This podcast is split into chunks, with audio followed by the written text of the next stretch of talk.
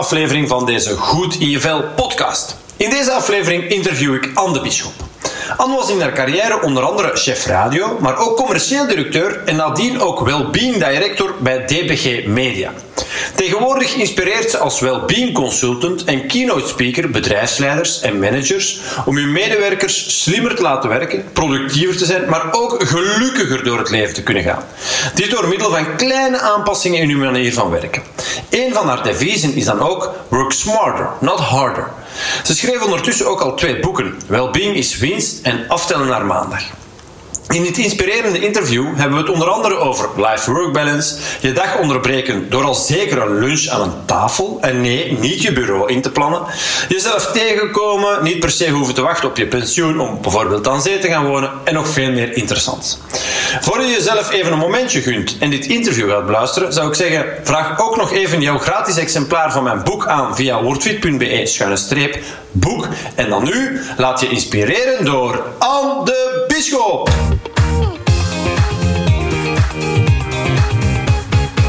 Um, Anne, allereerst uh, bedankt voor even tijd voor mij vrij te maken. Um, even vooruitspoelen om te kunnen terugkijken. Stel, jij ligt op je sterfbed. Hopelijk mag, je dat, ja, hè, hopelijk mag je dat moment nog lang wegblijven. Maar welke dingen zou jij je dan vooral willen kunnen herinneren? De mooie momenten, de warme momenten met mijn gezin. Dat vind ik uh, ontzettend belangrijk. Uh, we hebben er bijvoorbeeld bewust voor gekozen uh, begin dit jaar om aan de Belgische kust te komen wonen. En dat is eigenlijk al, ik denk nog wel lang niet aan mijn sterfbed, maar daaraan zie je toch dat wij er heel bewust hebben over nagedacht van welk leven willen wij eigenlijk leiden? En onze kinderen zijn, uh, staan net op hun eigen benen. Onze Jonas is uh, alleen gaan wonen. Onze dochter gaat in juli samen met haar vriend gaan wonen. Mhm. Dus wij zijn eigenlijk uh, ja, in een nieuwe levensfase beland. En we hebben er bewust voor gekozen om aan de zee te wonen. Waarom? Omdat we voelen dat onze work-life balance hier eigenlijk nog optimaler is. En wat bedoel ik daarmee? Ik werk hier nog altijd heel hard, heel veel.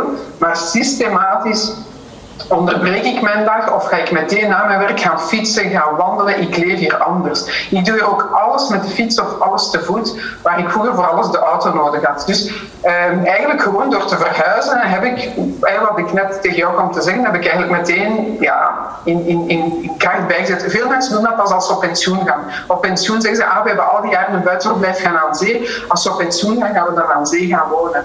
Wij hebben gedacht van, oké, waarom zouden we nog wachten? Onze kinderen zijn het huis uit, we zijn alle twee zelfstandigen geworden. Um, ik geef vandaag door corona helaas vooral webinars in plaats van live keynotes. En of dat ik dan in Brussel zit, want we wonen vlakbij Brussel of hier aan de kust of om het even waar. We hebben trouwens ook geïnvesteerd in een klein huisje in Spanje. Uh, ik kan vandaag even goed vandaag werken. Dus met andere woorden, ik heb niet gewacht op mijn pensioen of niet tot ik bijna op mijn sterfbed lig om... Uh, ja, om toch voor een andere levensstijl te gaan. Ja. Oké, okay, goed. Interessant. Ik ga zeker op een paar dingen straks nog uh, met veel plezier verder ingaan. Uh, maar voor degenen die jou niet zouden kennen, uh, wie is Anne de Bisschop? Wie is Anne Bisschop? Ehm, ik heb eigenlijk heel mijn carrière doorgebracht in de media. Uh, bij verschillende mediabedrijven, uh, zowel televisie, radio als magazines, uh, waarvan de laatste 18 jaar bij Medialaan. Ik heb eigenlijk Q-Music België mee opgestart. Wij, samen destijds met Bert Genen, Erwin Dekkers, Sven Ornedis, Peter Possaert, staan wij eigenlijk aan de wieg van Q-Music. Um, en dus ja, dat is een beetje mijn derde baby altijd geweest, zeg ik. En ik heb ook 18 jaar met heel veel plezier gewerkt. Ik was eerst commercieel directeur, dus zorgen dat de centen binnenkomen. Hè. Uh, dan ben ik algemeen directeur geworden van de twee zenders van Q-Music en van Joe. En dan uh, op dat moment, en ik vind het ook belangrijk om dat even te signaleren, ben ik eigenlijk mezelf een beetje tegengekomen. En wat bedoel ik daarmee? Uh, die job van directeur radio bezorgde mij toch wel redelijk wat stress eigenlijk. En in, mijn lichaam begon mij vooral die signalen te geven. En hoe begon dat? Met heel slecht te slapen. Ik heb elf maanden heel slecht geslapen, om te zeggen ja, twee, drie uur per nacht en dan was het op. En dat was puur eigenlijk toch wel van te veel stress, te veel nadenken, te veel in mijn hoofd. En dan begon dat, en dat zal ik aan jou niet moeten vertellen, dan begon het eh, om de twee weken naar de osteopaat, rug vast, nek vast, schouders gespannen, noem maar op. En dan heb ik op een bepaalde dag een zware aanval gehad van hyperventilatie. Iets wat ik nooit, nooit eerder had gehad. En dan begin ik mij vragen te stellen. Hoe komt dat nu? Hoe komt dat nu dat dit met mijn lichaam gebeurt? En als ik daar dan over nadacht, dan dacht ik, oké, Een directeur van twee radiozenders klinkt goed, sexy job, fantastische leefwereld, al wat je wilt. Maar die job maakt mij eigenlijk niet zo heel gelukkig, want het bezorgt mij heel veel stress. Uh, en waarom? Toen ik commercieel directeur was, wist ik dat ik het beste uit de mensen kon halen. Omdat ik heb jaren voordien had ik zelf salesfuncties binnen de media. Dus met andere woorden, ik wist dat ik voor hen een goede coach was, dat ik een motivator was, dat ik een inspirator was. Maar dan plots heb je DJ's onder jou, technici, journalisten. En dan denk ik, oh my god, wie ben ik om te zeggen? Hè? En dus dat bezorgde me eigenlijk iets te veel stress. En dan ben ik naar mijn lichaam gaan luisteren. En dan ben ik vooral naar onze CEO gestapt en heb ik gezegd van kijk, ik ga mijn functie als directeur van de radio's opgeven. En dan kan u zeggen, dat vraagt moed hoor, heel veel moed. Want uh, ten eerste had ik een fantastische job. Ik zat ook in het directiecomité van toch een groot mediabedrijf. Dus ik ga daar eerlijk over zijn. Financieel zat ik daar ook heel comfortabel. Um, en, en, mijn kinderen die komen naar Tomorrowland, die komen naar alle concerten. Dus dat was ook een wat protest van thuis. Hé mama, dat ga je toch niet doen. Maar ik heb dan enorm geluk gehad dat onze CEO zei, Anne, we zouden heel graag hebben dat je blijft bij Medialaan. En wat nu DPG wat zou je dan wel willen doen binnen onze organisatie? En daar heb ik eigenlijk helemaal niet lang moeten over nadenken. En ik heb toen gezegd, laat mij zorgen voor onze mensen. Wij waren toen met ongeveer duizend medewerkers en ik heb gezegd, kijk wat mij niet is overkomen. Ik zou liefst hebben dat dat onze medewerkers niet overkomt. Dat zij niet gebukt gaan onder stress, dat zij gezond zijn, gelukkig zijn, fysiek in orde, mentaal in orde. Dus laat mij zorgen voor het welzijn binnen de organisatie. En eigenlijk ben ik op die manier, hè, lang verhaal om te komen, dat ik dus de laatste drie jaar bij Megaman was ik wel team director. Ik ben daar trots op. En het is niet dat ik dat woord director zo belangrijk vind, maar ik vind het wel belangrijk als signaal dat het daardoor heel hoog bij ons op de agenda stond. Want als wellbeing in het directiecomité alleen aanwezig aan de directietafel, dan kan je wel een en ander natuurlijk uh, uh, op de kaart zetten. Ja. Dus dat is eigenlijk mijn parcours. En dan heb ik dus die twee boeken geschreven. Mijn eerste boek, Aftellen naar maandag, heb ik nog geschreven toen ik bij Medialaan zat. Dus dat is eigenlijk in die periode geschreven. Ben ik met twaalf verschillende experten gaan spreken over slaap, over voeding, over het belang van digital detoxen, het belang van meditatie, van ademen, van bewegen, van focus, van pauze, noem maar op. Dus ik ben met twaalf verschillende experten gaan spreken en dat heb ik allemaal verzameld in mijn eerste boek. En dan ben ik, uh, nu ben ik fulltime keynote spreker. Uh, ik geef keynotes ofwel op congressen uh, binnen en buitenland, maar ook vooral heel veel binnen bedrijven, zowel keynotes als workshops. En dus ik heb daarom ook mijn tweede boek geschreven, omdat ik mij wil richten tot het management. En mijn tweede boek is Wellbeing is winst. Waarom gezonde en gelukkige medewerkers jouw belangrijkste kapitaal zijn. Want wat ik ook zeg in mijn keynotes is van kijk, het welzijn van de medewerker is een gedeelde verantwoordelijkheid. Want wat kan de medewerker zelf doen, zelfzorg, maar wat kan de organisatie doen? En wat kan jouw leidinggevende doen? Want als dat niet op alle drie fronten goed zit, dan gaat het niet lukken. Dan mag je zelf nog zo goed je best doen als jij binnen een bedrijf gaat werken, dat smiddags alleen maar ongezonde kost op de kaart heeft staan. Of dat totaal geen belang heeft aan jouw work-life balance of aan het belang van bewegen, dan wordt het wel heel moeilijk. En bijvoorbeeld, ik stimuleerde bij Medialaan wandelen onder de middag. Werk zeker niet door onder de middag, maar neem een pauze. Ga eerst gezond lunchen bij ons, in, waar een gezond aanbod was. En ga dan vooral nog een half uur zeker wandelen. Zie je, dan, dan moet je eigenlijk deel laten uitmaken van de cultuur in de organisatie. Ja. En um, als je daar dan mee, mee afkwam, hè, dus, dus je, hè, je hebt een moeilijk moment um, en um, ja, dat is al een mooi signaal. Ze willen jou niet kwijt. Hè? Dat ze geven aan van we zouden heel graag hebben dat, jou, dat je binnen, binnen onze organisatie blijft. Dat is al denk ik hè, denk, een mooie uh, blijk van vertrouwen, dat sowieso. Um, jij komt er dan mee af van ik zou graag um, ja, de, de zorg voor, ervoor zorgen dat de mensen zich go, go, goed gaan voelen, dat, heel, heel dat, uh, dat ze gezond gelukkig zijn. Wat was de eerste reactie binnen dat directiecomité? De, de die was eigenlijk heel positief. En uh, dat was heel fijn voor mij om te voelen. En waarom? Omdat uh, voor hen was dat eigenlijk heel logisch. En waarom zeg ik dat? Uh, ik ben een tijdje, nu is dat gelukkig anders, maar ik was een tijdje de enige vrouw in het directiecomité. Eén vrouw en tien mannen, wat dat ook. Was, dus ik moest mijn mannetje staan. Ja. En ik wil niet in clichés denken, maar mogelijk heeft het er iets mee te maken dat men mij de moederpoel van het bedrijf noemde. Dus die met iets zat, of dat hij nu in mijn team zat of in een ander team, de mensen kwamen vaak naar mij toe als ze met iets zaten. En ik ben altijd erkend geweest binnen het huis als de empathische leider. Ik geloof heel veel in empathie, de kracht van luisteren, ehm, people management en noem maar op. En dus eigenlijk voor hen was dat een vrij logische van oké, Anne gaat nu zorgen voor de mensen binnen de organisatie, niet meer enkel voor de mensen van het radiodepartement, maar voor iedereen. Hm. En, en ja, dat is eigenlijk heel vlot gegaan. Dat was een, een, mooie erkenning. Ja. En was er op dat moment al iets? Want, want goed, je hebt, je hebt de HR-afdelingen binnen bedrijven, ehm, maar dat gaat vaak toch meer over ja, sociaal secretariaat en uh, het wagenpark beheren en weet ik veel wat allemaal toestanden. dat is wel een beetje aan het evolueren, uiteraard. Maar, maar goed, jij kwam daar dan ineens bij met, met jouw idee en, en met. Uh, ja. ja. Het, belangrijkste is vooral de grootste fout die ik zou hebben kunnen maken, is om zelf op mijn eentje te gaan beslissen wat we allemaal zouden doen. Dat is ook wat ik vandaag bij bedrijven zeg, doe, maak die fout niet. Dus wat heb ik gedaan? Ik ben begonnen met te luisteren naar onze mensen wat ik noem een start-stop-continue oefening ben ik gaan zien van, ja, wij waren met duizend, dus ik heb 10% van de populatie gezien, dus ik heb ongeveer met 100 personen gesproken, waarbij ik uiteraard rekening hou met leeftijd, geslacht, anciëniteit, fitheid en maar op. Je moet dat eigenlijk homogeen een beetje samenstellen, dat dat, uh, dat, dat goed klopt uh, en dat dat een weerspiegeling is van je organisatie.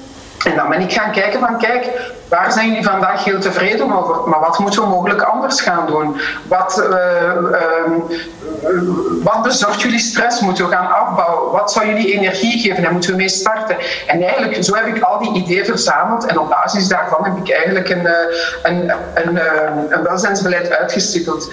En wat ik bijvoorbeeld ook als tip aan veel bedrijven meegeef, is geef jouw project of jouw welzijnsbeleid ook meteen een naam. Want dan heb je meteen een merk gecreëerd binnen je organisatie. En bij ons was dat heel eenvoudig, zo simpel, well-being at Medialaan. Je moet het soms niet verder zoeken dan het is. Maar dat wil wel zeggen dat alle initiatieven die je neemt, dat je die daaronder kan steken. En het feit dat je dat doet, kan je dan zien van, oh, wacht eens, op jaarbasis hebben wij wel best wel mooie acties. We hebben een mooie jaarkalender met evenementen, acties, inspiratiesessies, noem maar op. En want wat zien we bij veel bedrijven? En sinds het bij wet verplicht is om aan te tonen dat je inzet op stress- en burn-out preventie, wat zie je? Een wekelijkse yogales en een mand met gratis fruit. dat is wat dat ik bij wil. En dan denk ik, fantastisch, goed begin, heel goed begin, maar het moet meer zijn dan dat. Hè. En vooral, je ziet dat dan, die yogalessen, de eerste keer is daar 50 man. Allee, bij yoga is altijd met kleine groepjes, maar pak 20 man. Maar na vijf weken zit daar nog drie man. Dus je moet, dat, je moet dat onderhouden. Je moet ook stilstaan bij de why. Waarom doen we dat nu?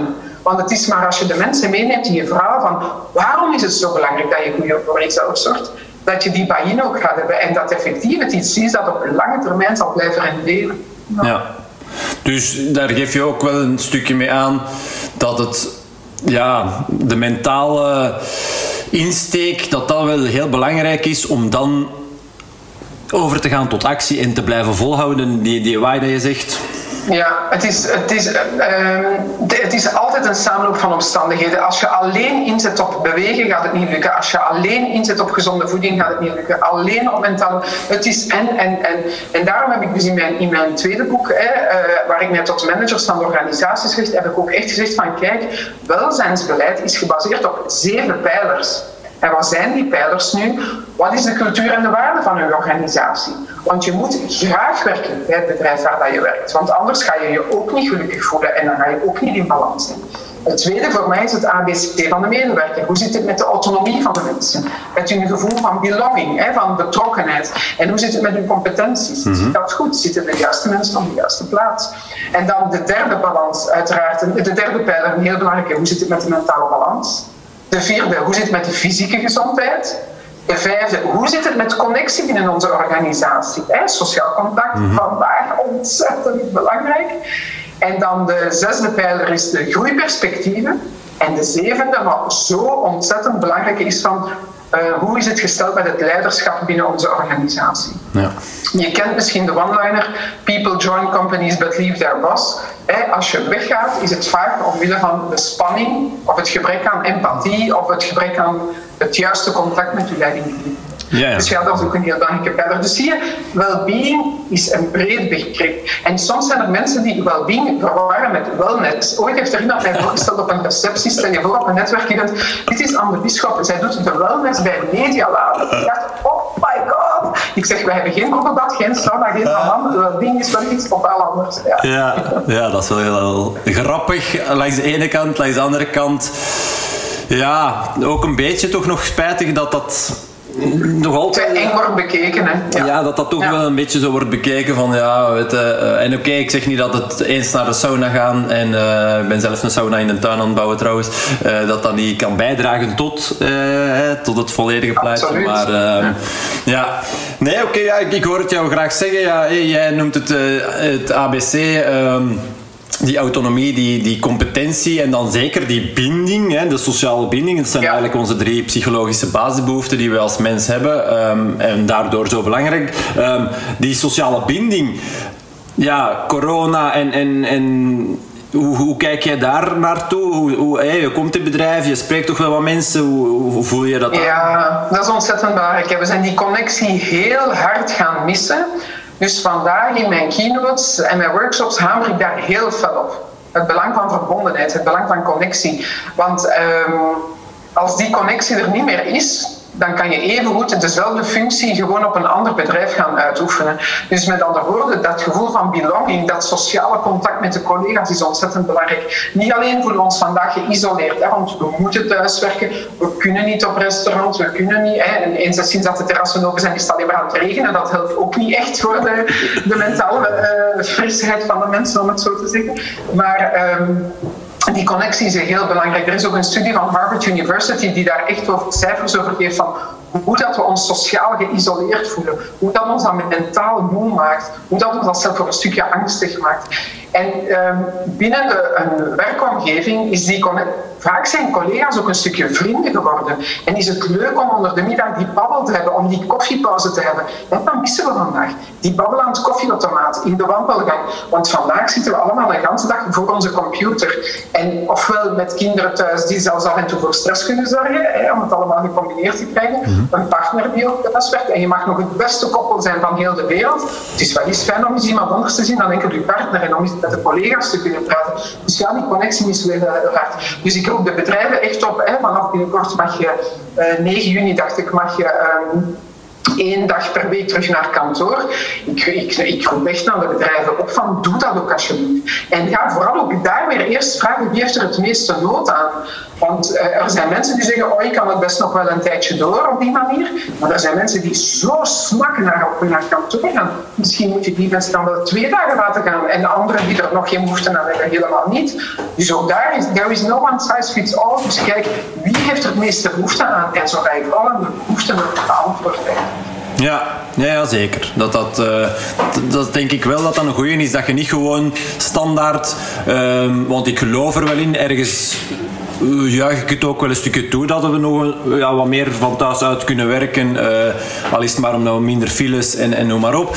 Um, maar ik denk dat het wel, ik denk dat er heel veel bedrijven nu op dit moment aan het, die strategie aan het voorbereiden zijn. En hoe gaan we daarmee omgaan in de toekomst. En dat het vaak gewoon um, ja, één op één, één ding is gewoon, oké, we gaan gewoon één dag uh, naar kantoor en de rest maar niet per se wie wel, wie het niet. Uh, wie, ja. Wie, ja, dus dat dat wel een heel belangrijk advies kan zijn. Probeer echt ja, uw, uw werknemers te ondervragen en, en te... Ja, luisteren, ja. luisteren, daar draait het allemaal om luisteren. Vandaag, vandaag is communicatie ontzettend belangrijk. En ik zeg tegen de bedrijven van communicatie is vandaag de lijm, de glue, de lijm tussen jou en, jouw medewerkers.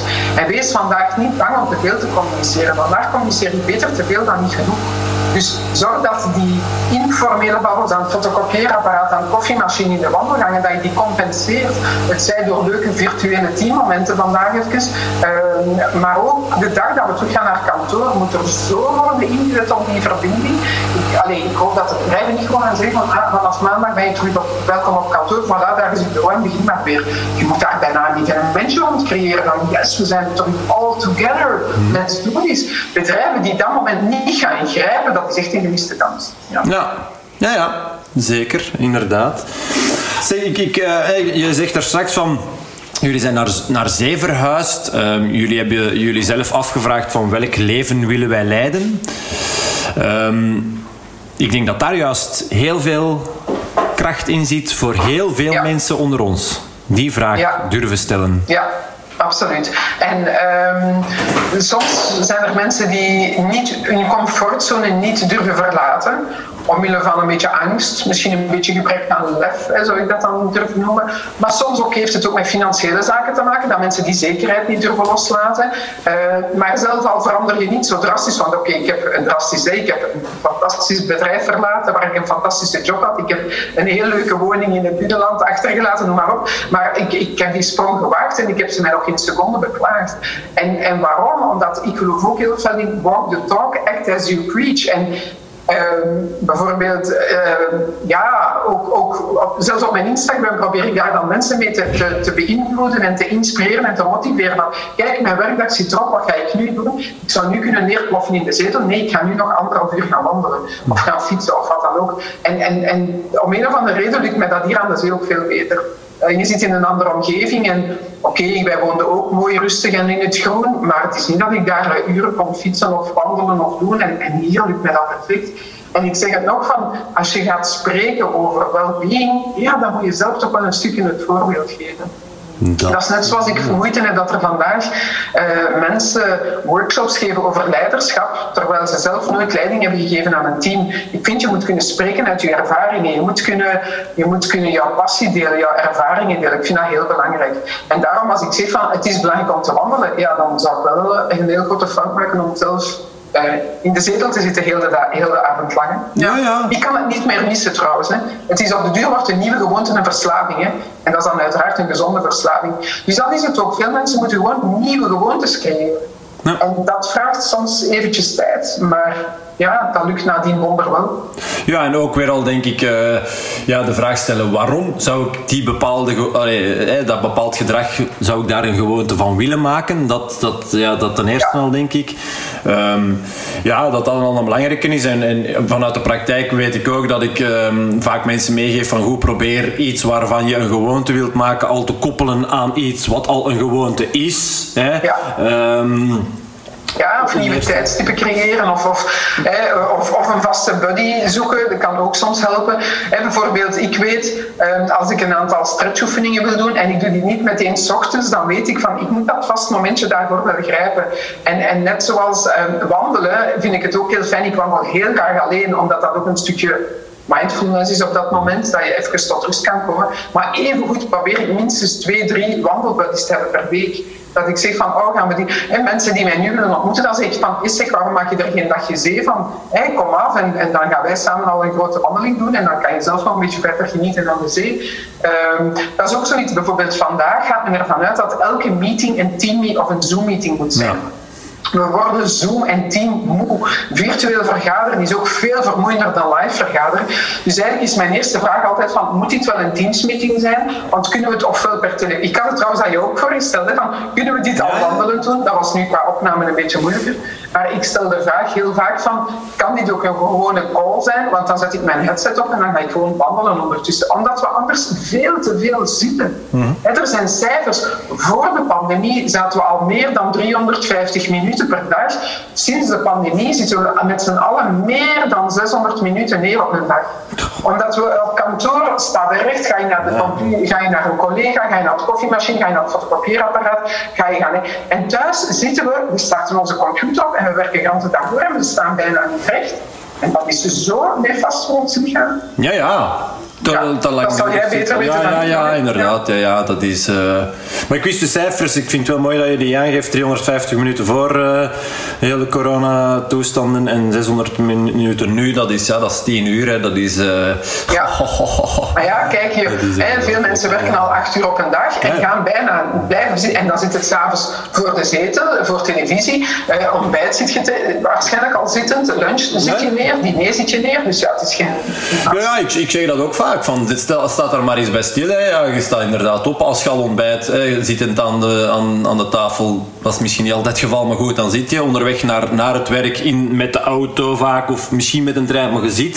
Zit je ook Eh, weer, ja, ja. en dan aan, eh, aan je bureau en 's middags weer. Dus dat is eigenlijk echt... eh, ja, niet, niet, uh, niet, uh, ja, niet, Ja. niet voor te stellen dat je echt zo lang, uh, lang zit. Hè. Um, dus, dus um, je zegt daar straks, life-work balance gaf je even aan. En van, uh, ik, ik heb hier genoteerd, onderbreek jouw dag. Um, ja. Een hele waardevol. En dat kan, dat kan ja. wandelen misschien zijn, maar zijn er zo nog misschien dingetjes dat je zegt? Ja, ik vind dat heel belangrijk. Ik zeg ook van, kijk, vroeger ging je misschien om acht uur s ochtends vertrekken of om de trein te nemen, de bus, de auto, noem maar op. Ik zeg aan de mensen dan, begin dan ook niet om acht uur te werken. Waarom? Die extra tijd die je nu wint, die je anders kwijt was in het verkeer, die kan je al gaan gebruiken om tussentijdse pauzes in te lassen.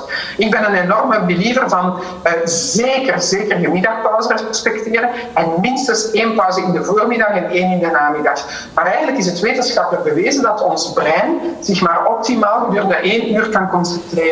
Dus het ideale is dat je na een uur werken vijf tot tien minuutjes pauze neemt. En als er nog altijd mensen zijn die denken dat dat een verlies is van tijd, die hebben het eigenlijk niet begrepen, want dat is een winst aan productiviteit. Dus met pauzes te nemen, ga je op het einde van de dag meer hebben gedaan. Dan moest je geen pauzes nemen. Omdat je brein haakt anders af op een bepaald moment. Terwijl nu, hè, je hebt dan bijvoorbeeld, wat ik in elke keynote meegeef, is ga niet eten achter je computer. Neem die middagpauze. Je wil niet weten hoeveel mensen dat daar fouten tegen maken. Snel een broodje smeren en dan gewoon eten terwijl ze verder werken. We hebben ons brein en ons lichaam heeft die middagpauze nodig, absoluut. Ja, ja, zeker. Ja, ja, dat is iets uh, wat ik ook al jaren meegeef uh, aan mijn cliënten. Hè. Gewoon echt smiddags dat inplannen. Hè. Gewoon niks van afspraken. Gewoon echt uh, een uur. Ja, allee, dat, dat, dat, is, dat is misschien voor velen is dat al wow, een uur. Hè. Maar dat echt gewoon inplannen, eten bereiden, ja. u zitten. ja. ja, je mag gewoon onder de middag geen meetings aanvaarden. Hè. Dus, ja. Dat, nee, nee. Maar daar begint het ook vaak, loopt het ook vaak, vaak fout bij bedrijven. Um, uh, ja, ik, ik, heb dat vroeger ook ervaren. Hè. Vaak is dan van bijvoorbeeld een, een, wekelijkse meeting is dan bijvoorbeeld heel vaak onder de middag met sandwiches. Hè. Ja. Dan denk ik van, je zet geen meetings onder de middag en al zeker niet met van die belegde broodjes waarvan iedereen nadien zo moe is, want dat zijn dan vaak witte broodjes met mayonaise en alles erop en eraan. En, en, en dan denk je van, ja oké, dan neemt de energie volledig weg uit je lichaam. Dus geen meetings onder de middag. Dat is iets waar ik echt op hamer. Als ik bij bedrijven een keynote ga geven, dan zit ik vaak eerst samen met het management van de organisatie en dan vraag ik, plannen jullie vaak meetings onder de middag? Ja, dat is, het antwoord is altijd ja bij mij. En dan zeg ik van, kijk, het heeft geen zin dat ik hier kom spreken over een welzijnsbeleid als jullie zelf zo'n eenvoudige regel niet respecteren. Dus met andere woorden, stop daar al mee. Hè. Dan, kom ik, dan kom ik met al de rest natuurlijk. Maar hè, soms moeten eerst de basics goed zitten. Ja, ja, ja zeker. Ja, ja, dat is het zo. Dat is zo. Uh, en, en is dat dan iets waar jij ook mee hen helpt om, om die, die basis goed te zetten? Of is ja. dat dan toch iets waar je zegt dat moet van hunzelf komen? Of nee, ja, ik zeg wel altijd, ik wil mezelf zo snel mogelijk misbaar maken. Hè? Want je hebt, uh, ik zou kunnen denken van, oh, hoe meer ik daar kan doen, hoe meer uurtjes ik kan ja. factureren. Ik heb zoiets van, laat mij jullie op weg helpen en zorg dan vooral zelf dat het goed loopt.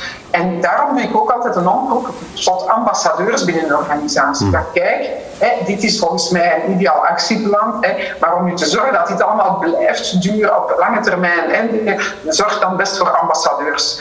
Um, en een tweede heel belangrijk ding is, ja, er moet steun en belief zijn van de top als eigenlijk zij niet het voorbeeld geven, maar als de directie of het management blijft veel mails sturen na de uren, meetingsplannen onder de middag, u s'avonds nog opbellen, ja, dan kan je niet spreken van een welzijnsbeleid. Hè. Een welzijnsbeleid moet echt zijn, moet authentiek zijn, moet welgemeend zijn en mag geen window dressing zijn. Of omdat het moet, zullen wij ook maar eens een beetje well-being doen. Dan werkt het niet. Nee, dus eigenlijk begint het toch wel vanuit de, ja, de leiders, de, de, het leiderschap van, van het, van het ja, bedrijf, dat je van daaruit dus eerst aan de slag gaat met de, met de leiders, ja. de, de teamleaders, en van ja. daaruit uh, dat zij dat dan Ja, want het gaat niet werken. Hè. Als je hen niet mee hebt en een collega zegt onder de middag, ja, ik ga wandelen, maar die manager blijft meetings plannen onder de middag, ja, dan gaat het niet. Hè. Dus ze moeten, de neuzen moeten in dezelfde richting staan, dat is echt belangrijk.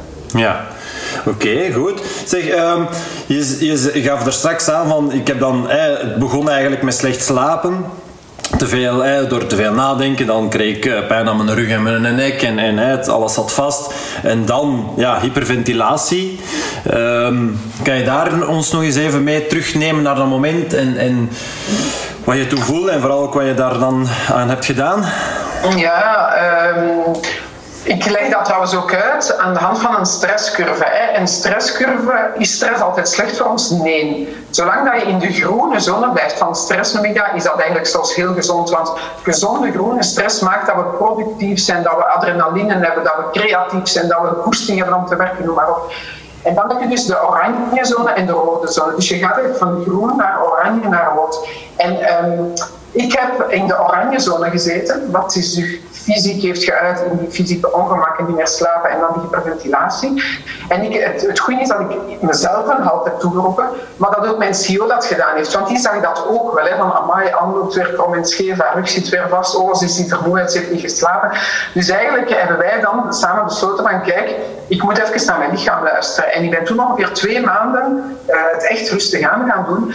En uh, daardoor ben ik nooit in die rode zone terechtgekomen. En want de rode zone is burn-out. En soms denken mensen van, hoe heeft Anne dan een burn-out gehad? Want zij is hè, toch twee, twee maanden ongeveer even uh, uh, van het podium verdwenen, om het zo te zeggen. En ehm, nee, en ik zou mij niet schamen, moest dat wel zo zijn. Want een burn-out overkomt harde werkers, pleasers, perfectionisten, mensen die hard en goed werken en die altijd iedereen willen helpen. Ja. Um, maar ik heb mezelf op tijd een halt geroepen. En, en onze CEO heeft daar ook bij geholpen, omdat ik een heel begripvolle CEO had. Die zei van, kijk, jij werkt zo hard, zoveel, maar nu moet je eens eventjes naar je lichaam luisteren. En, en dus ja, in die periode heb ik dan ook echt mijn lichaam tot rust laten komen. Heb ik uh, redelijk wat yoga gedaan, heel veel gewandeld in de natuur, heel belangrijk. Uh, heel snel voelde ik ook van, oh my god, ik ben niet gemaakt om niks te doen, om thuis te zitten. Dus ik ben heel snel beginnen terug weer opstarten, maar op een, een rustigere manier. Veel boeken gelezen, inspiratie opgedaan. Omdat ik dus ongeveer na één maand heb beslist van, oké, ik wil iets anders doen. En dan kwam dat idee van die well director. En dan ben ik heel veel boeken beginnen lezen. Dus dat was eigenlijk een rustige aanloop naar een beter leven, om het zo te zeggen. Ja, ja. Ja, ja. Zeg, en, en um, je geeft aan van, oké, uh, dat er ook wel wat uh, pleasers, het woord, uh, um, dat, dat die ja, vaak ook inderdaad altijd maar goed willen doen voor een ander. En dan, dat dat, ik zeg niet dat dat de enige reden is van, van een burn-out, maar dat dat toch die, hoge lat altijd ook voor, niet alleen voor zichzelf, maar dan ook nog voor anderen altijd maar goed willen doen is dat toch ook wel iets, uh, ik, ik, ik, herken het ook wel bij, bij veel mensen. Ja, je moet, het is heel goed om voor anderen te zorgen, want dat is heel krachtig. En sharing is caring. En ik vind, uh, ik zorg heel graag voor andere mensen. Maar je kan maar goed voor anderen zorgen als je eerst goed voor jezelf. Hey, kijk, uh, ik gebruik dat ook in mijn keynote, dat ik zeg van kijk, waarom zeggen ze ook in een vliegtuig van als de zuurstofmaskers naar beneden vallen, zorg eerst voor jezelf en dan voor je kinderen of voor, je, voor de anderen. Um, ja, eigenlijk wil ik die vergelijking ook gebruiken. Je hebt eerst zelf die zuurstof nodig, wil je zuurstof aan anderen kunnen geven. Dus je moet zelf, zowel mentaal als fysiek fit zijn, wil je goed voor anderen kunnen zorgen. Als jij je niet goed in je vel voelt, ja, dan ga je eerder voor een negatieve spiraal gaan zorgen dan wel voor een positieve.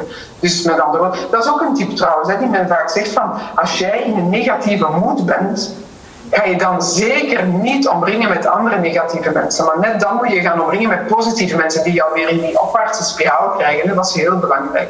Ja. ja, want het is zo gemakkelijk om te klagen en zagen. En, ja. en als je rondkijkt de dag van en zeker nu, zeker nu. Hè, dus ja. Ja, ja en, en ik merk het ook gewoon. Ja, ik, ik, zeg, ik zeg altijd, ja, hoge bomen vangen veel wind. Maar als ik, uh, als ik soms zie... Uh, ik, ik, denk dat ik toch mag zeggen dat ik handel uit, uh, uit goede wil en anderen willen helpen, inspireren, motiveren. En hoeveel va vaak dat je dan echt zelfs gewoon bagger over u krijgt. En, en, goh, en dan denk ik altijd, ja, het is toch wel, wel gemakkelijk. Hè? Zo achter uw computer zitten en uh, betaald door de werkgever. En dan gewoon op Facebook zitten en dan uh, commentaar. Ja, ik heb daar moeite mee op Facebook met al die negatieve berichten. Ik antwoord daar zelden op. Of, enfin, nooit eigenlijk op. Dus die, je ook nu bijvoorbeeld rond vaccinatie en zoals je ziet hoeveel dat mensen daar kritiek en commentaar en dit en dat. Of alleen mensen die kritiek geven, dan vraag ik het meest mijn eerste vraag heel vaak van wat zou je zelf doen? Moest jij hier een beslissing moeten nemen? Het is niet altijd evident om beslissingen te nemen. Dus met andere woorden, het is veel gemakkelijker om zich negatief te uiten en kritiek te geven en commentaar te geven dan zelf soms aan het roer te staan en beslissingen te moeten nemen. Ik hou sowieso niet van negatieve mindset en negatieve mensen. Met een groeimindset kom je sowieso veel verder dan met een fixed of een negatieve mindset. Ja. Op het einde van mijn keynote bijvoorbeeld nodig ik ook mensen uit om te zeggen van kijk, zet nu eens allemaal jullie camera aan, dat ik iedereen kan zien. Of ik doe het nog veel liever als ik dat natuurlijk live doe, met live sessies. En dan zeg ik van, kijk, ik wil nu op iedereen zijn gezicht een brede glimlach zien. En dan zeg ik ook, hou nu die glimlach, hou die glimlach. En dan zeg ik, probeer nu aan iets negatiefs te denken. Ja, dat lukt niet. Je hersenen laten eigenlijk niet toe om en te lachen en om negatief te denken. Dus dan zeg ik van, kijk, het kan zelfs in een klein boekje zitten van, lach eens wat meer. Mm soms zie je mensen waarvan dat de mondhoeken echt gewoon naar beneden zijn gegroeid bijna. dat je denkt van, oh my god, lacht die persoon eigenlijk ooit wel?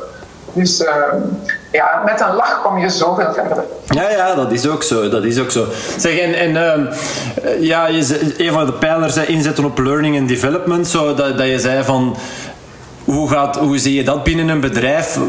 Rijk jij dan... Um, zelf workshops aan? Of, of zeg je dan van met die en die personen werk ik samen? Of, of, of, of bekijk dat? Kan allebei, hè. dat kan allebei. Van, uh, uh, ik, ik, mijn verhaal is holistisch. Mijn verhaal is van hey, als ik bij een bedrijf uh, een uur of anderhalf uur kan spreken, dan komen al die zaken eigenlijk kort aan bod. Waarom? Omdat ze allemaal met elkaar verweven zijn.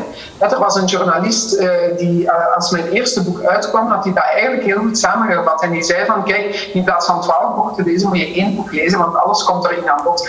En dat is bij mijn keynote eigenlijk een beetje hetzelfde. Van, ik laat de mensen van alles proeven, want dan ben ik de eerste om te zeggen, ik ben geen slaappsycholoog of ik ben geen slaapexpert, dus wil je meer weten over slaap, ja, dan moet je daar een, een expert over uitnodigen. Hetzelfde over voeding, hetzelfde over, eh, over, over meditatie, noem maar op. Maar ik geef wel van alles de basics mee. En dan uh, weet ik ook perfect waar dat in, in, in, in België de goede specialisten zitten, de goede sprekers daarover, de mensen die daar heel enthousiast kunnen over praten. En dan geef ik met alle plezier die gegevens door. Um, omdat ik weet waar ik goed in ben, maar ik weet waar ook anderen goed in zijn. En dan zeg ik nog eens, sharing is caring en samen ben je zoveel sterker dan. Ja. En kan je ons um, enkele tips van, van als jij je keynote geeft je moet ze niet allemaal geven, want dan moeten ze jou maar inhuren.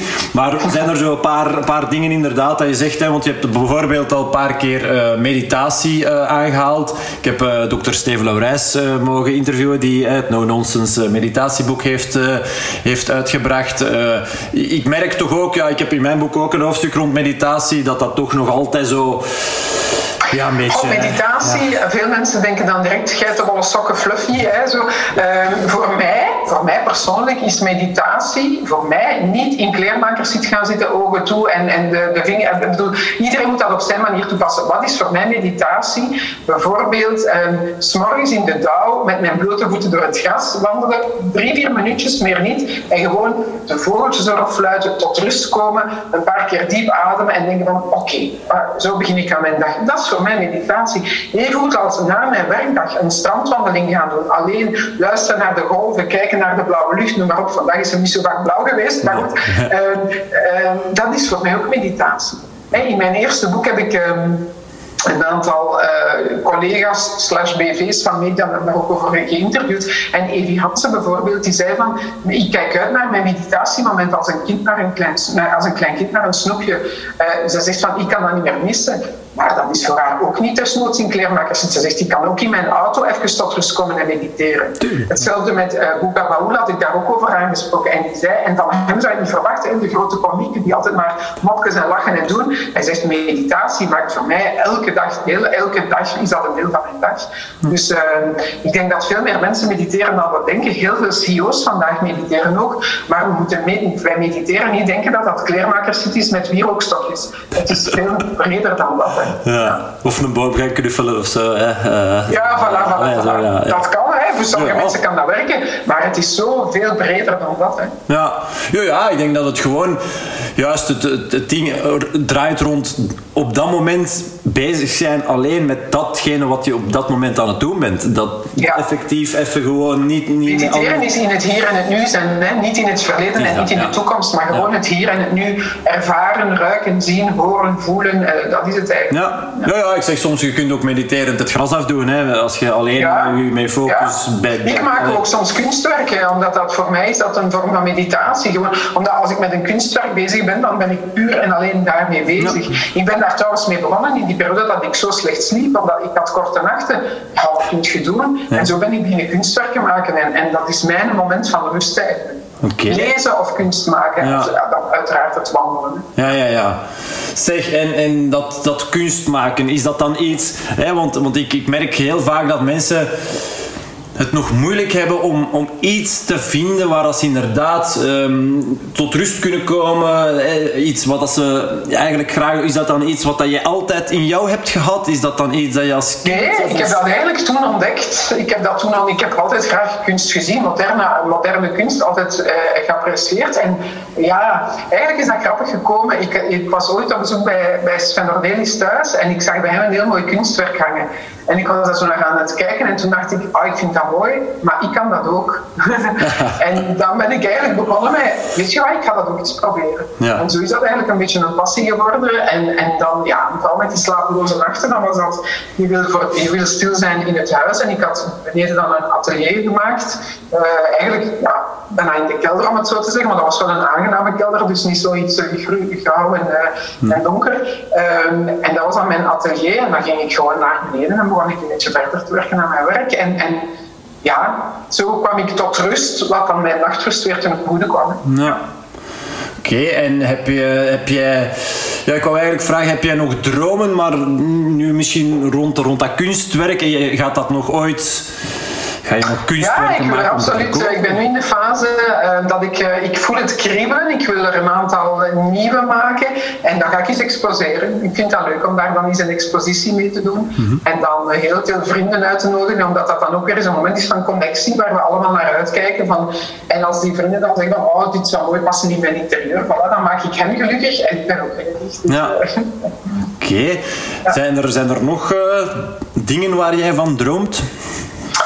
Eh, ik ga heel graag op reis. Ik vind dat heel leuk om zowel nieuwe werelden, nieuwe culturen te ontdekken. Dat heeft natuurlijk de voorbije... eh, ja, wij zijn gelukkig nog net voor de lockdown. Alleen, nee, nee, net voor de uitbraak. Want wij zaten eigenlijk in Vietnam toen het daar begon uit te breken, maar er hier in België nog geen sprake van was. Dus dat was eventjes een beetje stress van oei, wij gaan toch wel terug raken. En nadien denken we van gelukkig hebben we nog een heel mooie reis gemaakt. Hè, want sindsdien is het dus, eh, ja, ondertussen... eh, ruim anderhalf jaar geleden. En ik mis dat wel, dat reizen. Omdat dat reizen zijn voor ons eh, gezinsmomenten, rustmomenten, maar ook momenten dat je nieuwe culturen ontdekt. eh, dat je gewoon ja, op een heel andere, die dagen op een heel andere manier beleeft. Ehm, maar ja, doordat we nu aan de zee wonen, dat is iets heel vreemds, compenseert dat wel voor een stukje. Ik ga dat nu niet gaan vergelijken, hè, want ik ken het hier ondertussen door en door.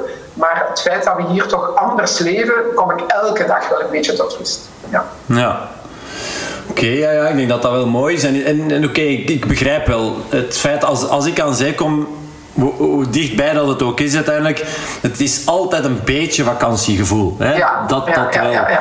ja, en ook ehm, al is het gewoon s'avonds uh, een lange strandwandeling maken of is gewoon uh, genieten van een ijsje, maar dan er ook echt van genieten. Hè, zo, dan, dan, dat, dat zijn leuke momenten. Hè. Ja. Ja.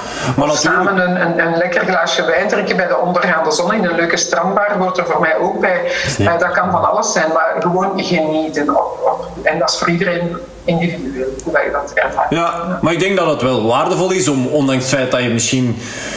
Hè, de luisteraars, dat, hè, misschien wonen ze niet aan zee en, en, en zijn ze nog niet. kan overal. Hè. Ja, wel, je hebt gewoon dat, een stukje natuur nodig. Meer heb je niet nodig. Nee, ah, wel, ja. Wij wonen hier nog maar eh, eh, sinds, januari, sinds december, januari. Maar ik deed dat vooraf ook. Hè. Maar nu heeft het voor mij een extra dimensie, dat alles. Ja. Ja. Oké, ja, ja. Ehm, dus, en, en zijn er nog dromen? Een mens moet altijd dromen, zeg ik. Altijd. Dus eh, mijn droom is om vooral, en het klinkt een cliché, maar het is zo belangrijk, goed, gezond ouder worden.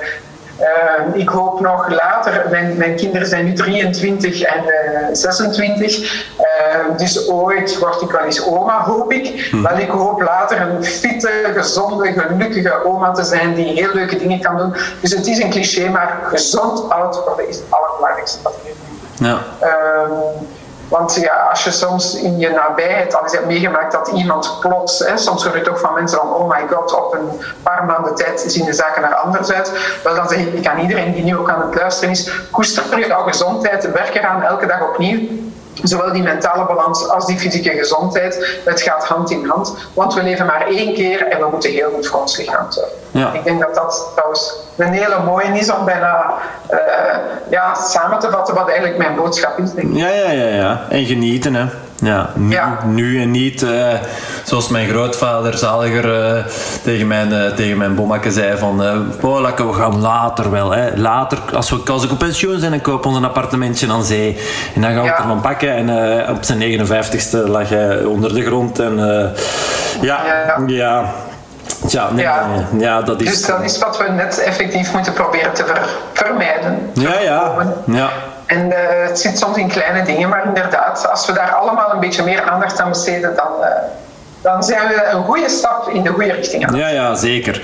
Ehm, ja, eh, ja, ik weet dat je binnen, binnen enkele minuutjes eh, een volgende afspraak hebt, dus we gaan stilletjes aan ehm, gaan afronden. Het is een iets korter interview als normaal, maar goed, dat hoeft zeker niet, eh, Dat is niet erg, niet te zijn. hè. Als het iets korter is, dan geeft dat de mensen ook de kans om nog even een korte pauze te nemen. Dan zeg je van, ik heb nu dan die podcast... Alhoewel, ik raad aan aan de mensen, te beluisteren mijn podcast al wandelend. Dus ik hoop dat Ja, die nu aan het luisteren zijn, dat al wandelend hebben. Ja, ja, dat is echt waar. Dat is echt waar. Ehm, is, ik vraag ook nog altijd: ehm, is er ehm, een vraag die ik jou niet heb gesteld, maar waarvan je zegt: Fred, dat had je mij nog wel kunnen, of dat zou ik echt nog wel graag eh, meegeven?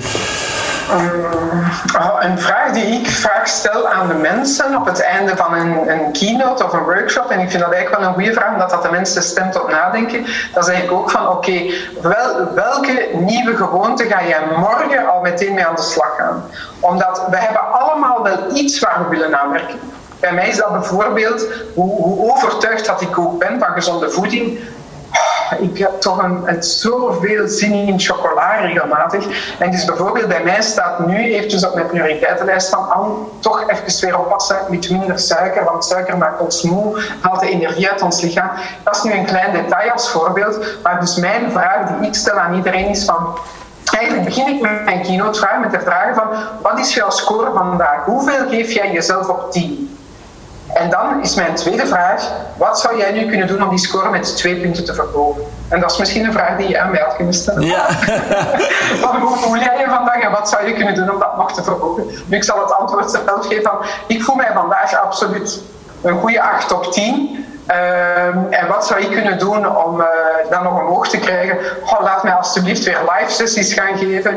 Ehm, ik heb er denk ik ondertussen meer dan 200 achter mijn computertje gegeven. Ik wil zo graag terug voor een live publiek staan, connectie hebben met de mensen, de mensen zien lachen, de mensen actief zien deelnemen. Dat is waar ik zo naar verlang. Dus voilà, dat is een mooie afsluiter. denk ik Ja, oké, inderdaad. Zeker en vast, zeker en vast. Eh, mijn laatste vraag is altijd: ehm, stel dat, dat fit zijn betekent dat je je gezond en energiek voelt. Ehm, op een schaal van, ehm, van 1 tot 100, hoe, ehm, hoe fit voelt Anne Bisschop zich op dit moment? Eh, ja, je hebt het eigenlijk al juist gezegd, een 8 tot. Eh, ik zou zeggen 80. Ja. En waarom niet meer vandaag? Ik eh, ga straks deze avond naar de osteopaat, omdat ik voel dat er weer heel veel spanning zit op mijn schouders, mijn nek, wat dan een beetje uitschat naar mijn onderrug.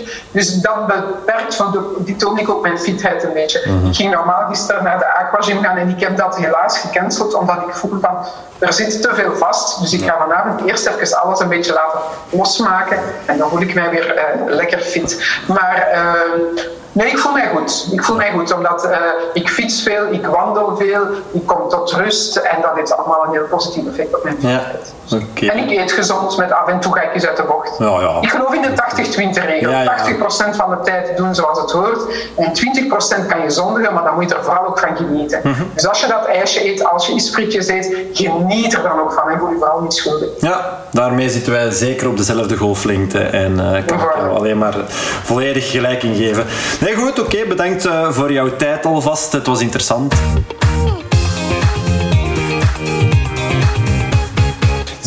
Dat was hij weer al. Een iets kortere aflevering dan gewoonlijk, maar daarom zeker niet minder interessant. Heb jij interesse in ons boek Aftellen naar maandag? Laat dan even je gegevens achter op wordfit.be schuine aftellen naar maandag.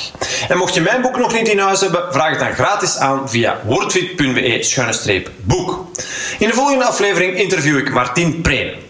Martin ken je ongetwijfeld van vroeger als tv-gezicht, maar ondertussen maakte ze een carrière-switch en schreef ze onder andere tal van boeken over voeding en gezondheid, had ze een theatervoorstelling Gezonde Vrouw, schreef ze columns in onder andere De Goed Gevoel en dat is nog maar een beperkte greep uit dat wat ze allemaal doet. Kortom, Martin is een bezige bij die haar volgers meeneemt op een zoektocht naar een blij, gezond en bewust leven. Ik ben blij dat ik haar eens mocht interviewen.